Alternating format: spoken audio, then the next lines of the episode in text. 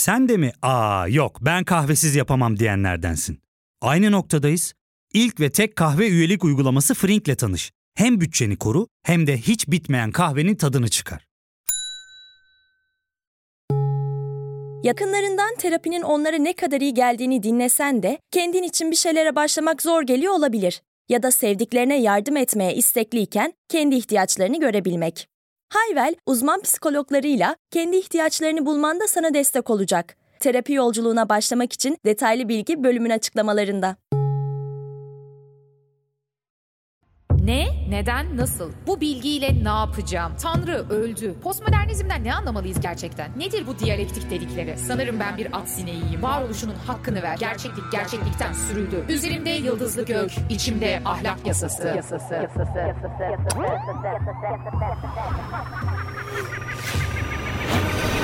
Dünyaya fırlatıldık.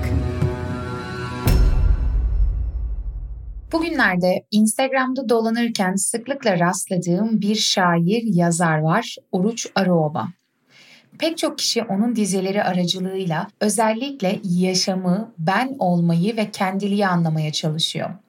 Oruç Arıoba benim özellikle sevdiğim şairlerden bir tanesi. Nitekim kendisi sadece bir yazar şair değil, aynı zamanda bir felsefeciydi. O yüzden bugün onun en sevdiğim dizelerini derlemek suretiyle felsefe nedir, filozof kime denir, yol bize neler öğretebilir biraz bunlara bakalım istiyorum.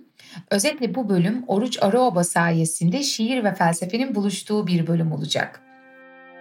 Bugün şimdi yalnızca ben biliyorum, ben de öldükten sonra kimse bilmeyecek. Kalabildiğimiz tek yer ötekilerin bellekleridir.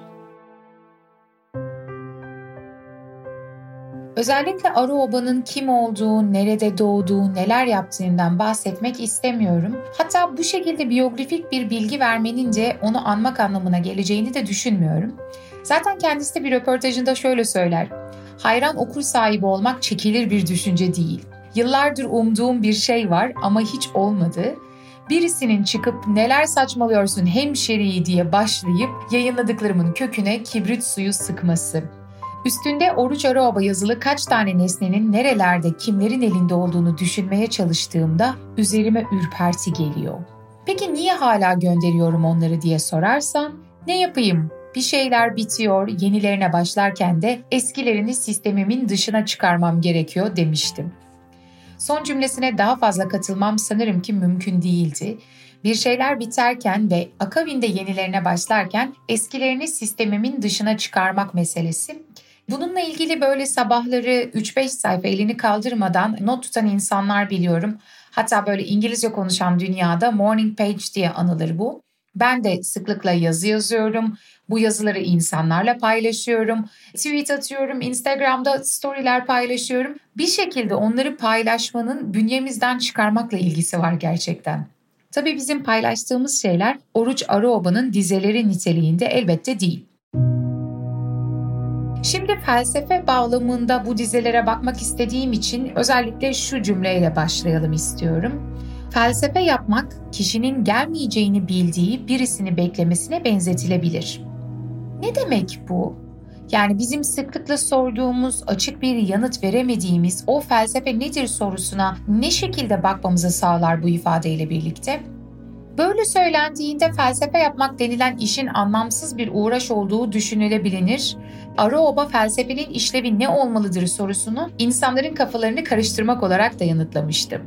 Yani burada bahsettiği şey şu, sözüm ona sağlıklı toplumlar aslında sahte düzenlilikler kurar değil mi? Felsefenin işi de bu düzenlere çomak sokmaktır. Koyunu sürüden çıkmaya ayartmak.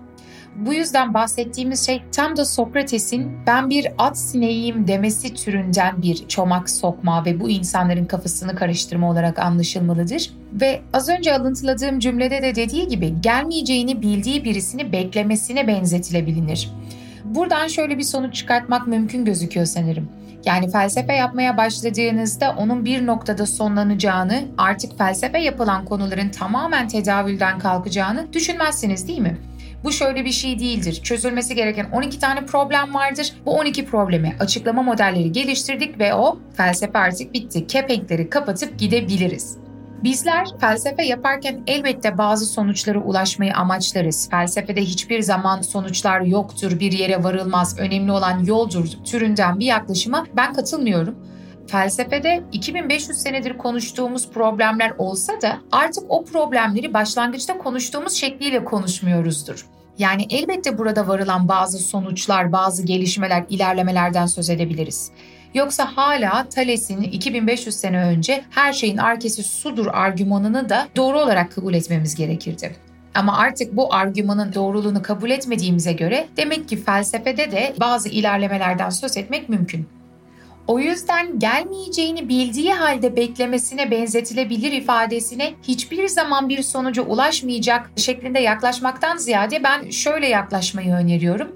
Muhtemelen benim o felsefe yapma edimim içerisinde kolaylıkla sonuca ulaşmayacak asırlar asırlar asırlar boyunca insan düşüncesinin kolektif emeğin bir ürünü olarak o soruya ilişkin bazı perspektifler, yeni perspektifler geliştireceğiz ama bu soruların, bu merakların, bu arayışların kendisi hiçbir zaman tamamlanmayacak ve yine de o bekleyişi sürdürmek konusunda bir eğilim, bir arzu duymaya devam edeceğiz. Başka bir yerde ise Aruoba şöyle söyler. Felsefe, felsefe yapan kişinin ne olmadığını kesinlikle bildiği ama ne olduğunu yaklaşık olarak bile bilmediği bir iştir. Şimdi bu kısım biraz nükteli tabii. Felsefecilerin en nefret ettiği sorulardan bir tanesi felsefe nedir sorusudur. Hatta size ironik bir şey de söyleyeceğim. Şu anda kaba taslak düşünerek söylüyorum bunu. Bütün filozoflar için geçerlidir şeklinde bir genel yargıda bulunmuyorum ama benim okuduğum felsefe nedir başlıklı metinleri dikkate aldığımda filozofların erken dönemlerinde değil, geç dönemlerinde böylesi metinler kaleme aldıklarıyla karşılaşırsınız. Çünkü meta felsefe alanında çalışan çok sevdiğim bir akademisyen yazar var Timothy Williamson. Bir yerde şey demiştim. Ayaklarınızın ne olduğu üzerine düşünmeniz sizi daha iyi bir koşucu yapmaz. Yani oturup felsefenin ne olduğu üzerine düşünebiliriz ama bir yandan doğrudan önümüzdeki problemlere karşı felsefeyi uygulamak yoluyla, pratik etmek yoluyla problemi atlamak daha verimli de gözüküyor olabilir. O yüzden ne olduğunu yaklaşık olarak bile bilmediği bir iştir derken böyle kesin bir tanım ortaya koymak konusunda bazı sıkıntılar var ama ne olmadığını kesinlikle bildiği kısmı da önemli. Çünkü bazı insanlar felsefe yaptıklarını zannettiklerinde, felsefi bir argüman ortaya koyduklarını zannettiklerinde özellikle felsefeciler bunun safsatı olduğunu çok net anlar. Çünkü altta argümantatif bir yapı yoktur mesela. Belirli bir iddia yoktur, kavramlar, terminoloji yerli yerine oturmamıştır genel felsefe tarihi veya sistematiği açısından bağlama yerleştiremezsiniz gibi gibi pek çok problem olabilir. Burada doğrulanabilir, gerekçelendirilmiş bazı argümanlar ortaya koymak gerekir. Yani benim gece üzerine söylediğim şairane sözler hangi ölçüde şiir olmaktan çıkar ve felsefe haline gelir? Bunun net tanımları vardır. Çünkü biz burada sistematik bir düşünceye felsefe deriz. Aroba her defasında felsefenin en temelde huzursuzluktan başladığını söyler. Yani bir şeyden rahatsız olduğunuz zaman, bir şey garip geldiği zaman, bir şeye hayret ettiğiniz zaman felsefe yapma ihtiyacı duyarsınız. Yani bir sorunla karşı karşıyasınızdır. Çözmeniz gereken bir şey vardır, anlayamadığınız ve anlam vermeye çalıştığınız bir şeydir felsefe sorunu. Bu noktada bölümü ufak bir ara verelim, sonrasında kaldığımız yerden devam edelim. Ya fark ettin mi? Biz en çok kahveye para harcıyoruz. Yok abi, bundan sonra günde bir. Sen Frink kullanmıyor musun? Nasıl yani? Yani kahvenden kısmına gerek yok. Frink'e üye olursan aylık sadece 1200 TL'ye istediğin çeşit kahveyi istediğin kadar içebilirsin. Günlük 40 TL'ye sınırsız kahve mi yani? Çok iyiymiş. Aynen. Hatta şu anda 200 TL'lik bir indirim kodu da var. E hadi hemen indirip üye ol da bu fırsatı kaçırma. Terapiye başlamak, içinden çıkamadığın döngüleri kırmak, bazı yanlış bulduğun kararlarını değiştirmek ve kendinle beraber daha huzurlu bir yaşam inşa etmek için atabileceğin en değerli adımlardan biri. Hayvel ile yoğun yaşam tempona uyum sağlayarak online terapi seanslarını takvimine göre ayarlayabilirsin. Bini aşkın uzmandan sana en uygun terapisti seçebilir, PodB10 koduyla indirimden yararlanabilirsin. Detaylı bilgi açıklamalardaki bağlantıda.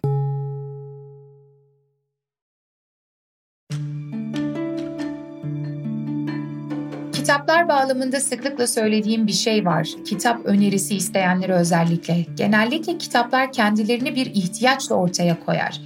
benim de önerilerle okuduğum kitaplar olmuştur ama genellikle bir kitaba gidiyorsam orada o soruya, o meraka yönelik bir ihtiyaç vardır ve o kitaba yönelmişimdir. Benzer bir şeyi felsefe için de söyleyebiliriz. YouTube kanalımı açtığım 2018 yılından beri beni izleyen insanlara sıklıkla şu soruyu sorarım. Neden felsefeyle ilgileniyorsun? Felsefenin önemli olduğunu düşünerek genel kültür edinmek için öğrenmek tabii ki de hiç de değersiz beyhude bir çaba değil ama dikkat ederseniz bizim felsefe eğilimlerimizin, felsefeye olan merakımızın altında genellikle bir soru olur. Tanrı'nın varlığını veya yokluğunu mesele ediyorsunuzdur. Yaşamı anlamlandırmaya çalışıyorsunuzdur. Adalet ve özgürlük kavramları üzerine düşünüyorsunuzdur ya da en basitinden neyin doğru, neyin yanlış, neyin iyi, neyin kötü olduğu üzerine değer yargıları geliştirmeye çalışıyorsunuzdur. İşte felsefe böylesi zamanlarda bir huzursuzluk ile başlar. Yani her defasında kafamızın içerisinde ya da karşı karşıya kaldığımız bir sorun vardır. Bu noktada Arıoba'nın başka bir şiirine referans vereceğim. Bu şiirin teması yol ama buradaki yol kavramını çifte anlamlı, metaforik olarak da düşünmenizi istiyorum. Burada hem fiziksel bir yoldan, yolda olmaktan, yola çıkmaktan söz ediliyor olabilir ama aynı zamanda az önce bahsettiğimiz felsefenin kendisini gereklilikle ortaya koyması meselesine de işaret ederek aslında bildiğimiz düşüncelerden, değer yargılarından sıyrılarak başka felsefi düşüncelere doğru yol alma anlamına da gelebilir.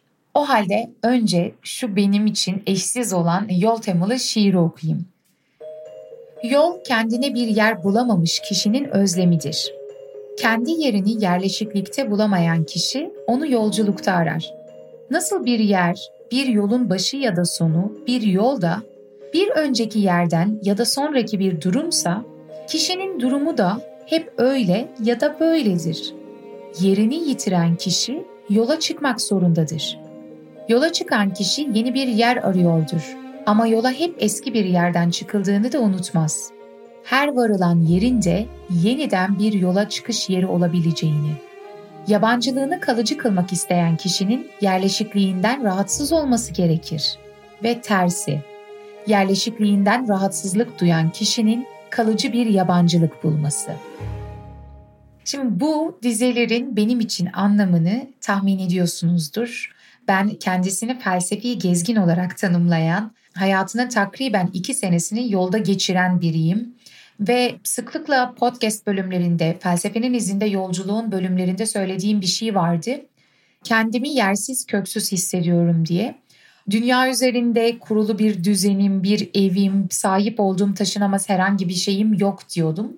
Bu en fiziksel bir yolcu olmaklık ama bir yandan da tam da başlangıçta söylediğim gibi ikili düşünmemiz gereken metaforik bir anlamı var. Burada sahip olduğumuz siyasi bir görüş, ideolojik öğreti, dini inançları da düşünebiliriz. Aslında Arı Oba'nın önerdiği şey ya da daha doğrusu felsefi olduğunu düşündüğü şey yabancılığımızı kalıcı kılmak istemek değil mi? Çünkü yabancılığımızı kalıcı kıldığımızda aslında bir açıdan objektifleşiyoruz ya da bizi dogmatik olmaktan kurtaran bir yan açığa çıkıyor. Aksi takdirde yerleşikliğimizden rahatsız olmadığımız bir durumda bizim düşüncelerden düşüncelere doğru savrulup yeni ufuklar görmemize imkan olamayacak elbette. Ya da içerisinde bulunduğunuz felsefi görüş, ideoloji, inanç her neyse kimi zaman artık kendinizi o kabın içerisinde rahatsız hissetmeye başlarsınız değil mi?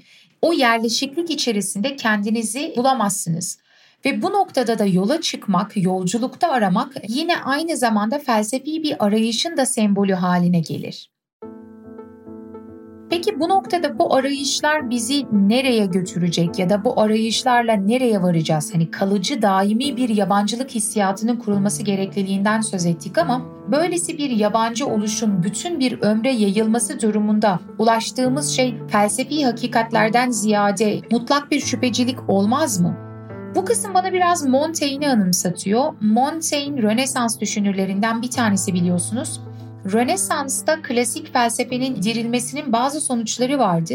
Burada Aristotelesçilik ve Platonculuğun dirilmesinden söz etmiştik ama mesela Montaigne'de gördüğümüz şey antik çağdaki o kuşkuculuğun, o septisizmin yeniden dirilmesi.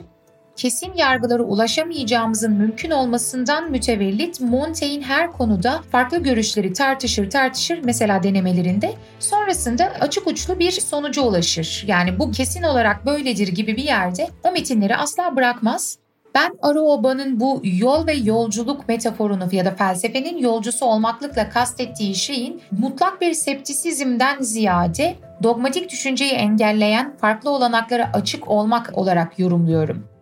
Peki böylesi muğlak gözüken bir şey nasıl öğrenilir ya da nasıl yapılır? Bu noktada ise o şöyle söyler, felsefenin öğretilemeyeceğini ama felsefe yapmanın öğretilebileceğini söyler. Felsefe öğretilemez çünkü var olan bir şey değildir. Yani felsefe kitabı var buyurun açın bunu okuyun ve bütün felsefeye hakim olacaksınız denilen bir şey yok. O yüzden ben felsefe tarihini anlattığımda, felsefeciler felsefe tarihi üzerine uzmanlaştığında aslında felsefe yapmış olmuyorlar değil mi? Bu ancak kendi kendimizle kafa kafaya vererek çıktığımız bir yolculuk olabilir. Yine dizilerine referans verelim. Özgürlük budur belki de. Sürekli bir yersizlik, sürüp giden bir yol. Yol bitmez, insan ölür, o yolun bir yerinde kalır. Bu noktada yol kavramını özellikle yol bitmez insan ölür, o yolun bir yerinde kalırı tam olarak felsefe olarak da düşünebiliriz değil mi? Kavramları değiştirdiğimizde yeniden o en başında söylediğimiz yere dönüyoruz felsefenin bir etkinlik olarak hiçbir şekilde bitemeyeceğini, sonlanamayacağını, sadece bu düşünceleri, bu soruları üreten insanların bizim o yolun bir yerinde kalacağımızı söylüyor ve bence de oldukça haklı bir iddia. Ve dahası bir önceki dizede de söylediği gibi özgürlük budur belki de. Benim düşüncelerimden vazgeçebilme özgürlüğüne sahip olmam, yeni ufukları, yeni olanakları araştırabilme cesaretini göstermemdir. O yüzden Oruç Arıoba'nın yol temalı şiirlerini paylaşanları her gördüğümde oradaki yol kavramını sürekli felsefi bir yol olarak düşünüyorum. Dediğim gibi o ülkemizde yetişen önemli felsefecilerden bir tanesiydi. Fakat 1983 yılında akademisyenliği terk etti ve sonrasında yazılarına odaklandı. Bu noktada onun yaptığı şeyin ithal felsefe değil, kendisine özgün bir felsefe yapma metodu olduğunu da söyleyebiliriz. Burada ithal felsefe ile ne kastediyorum? Aruoba Türkiye'deki felsefe hocalarının bir dışarılık akımının Türkiye acentası olduğunu yani felsefeyi ithal ettiğimizi söyler. Ve akabinde de şöyle der, ithal felsefe felsefe değildir. Elbette etkilenme denen bir şey vardır ama felsefe tarihi okumaları ancak kendi düşünceleriniz için hareket noktaları oluyorsa bir işe yarar. Bu yüzden de bir doktora öğrencisine verdiği öğüt hiç aklımdan çıkmaz. Doktora öğrencisi ona ne yapması gerektiğini sorduğunda şöyle söylüyor. Git kendine yakın bulduğun bir filozof bul, seç, onu ıcığına cıcığına varasıya kadar oku, anla, öğren, sonra da unut. O unut kısmı işte tam da özgün bir şekilde felsefe yapabildiğimiz yer sanırım. Onun ithal felsefe eleştirisini de haklı buluyorum. Çok fazla feyiz aldığım, ders çıkardığım anekdotlardan bir tanesidir bu. Onun röportajlarından, yazılarından, dizelerinden yola çıkarak şair bir felsefecinin kaleminden felsefenin ne olduğunu konuştuk bugün. Bu bölümü çok sevdiğim yaşam üzerine dizeleriyle bitirmek istiyorum. Şöyle söylüyor Aruoba, Yaşam hep birliktelik umutları vermeyecek, umduracak sana. Sonra onları alacak, yalnızlık kuyusuna atıp boğacak. O kuyudan da nasıl çıkabilirsin ya da orada yaşamayı nasıl öğrenebilirsin Allah bilir. Ki yaşamakta olman bile bir ön yargıdır belki.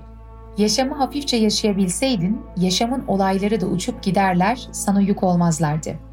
Ama o zaman da uçucu, boş olurdu yaşamın. Bu yüzden yaşadığın her olayı ağırlaştıracaksın ki uçup gitmesin, omuzuna çöksün, sen de onun yükünü taşıyasın. Yaşaman, yaşamın yükünü yüklenmen olacak. Yaşam yükleneceğin yüktür. Yaşamın yükündür, taşı onu. O halde gelecek bölümde görüşene dek şiirle, sanatla, felsefeyle kalın.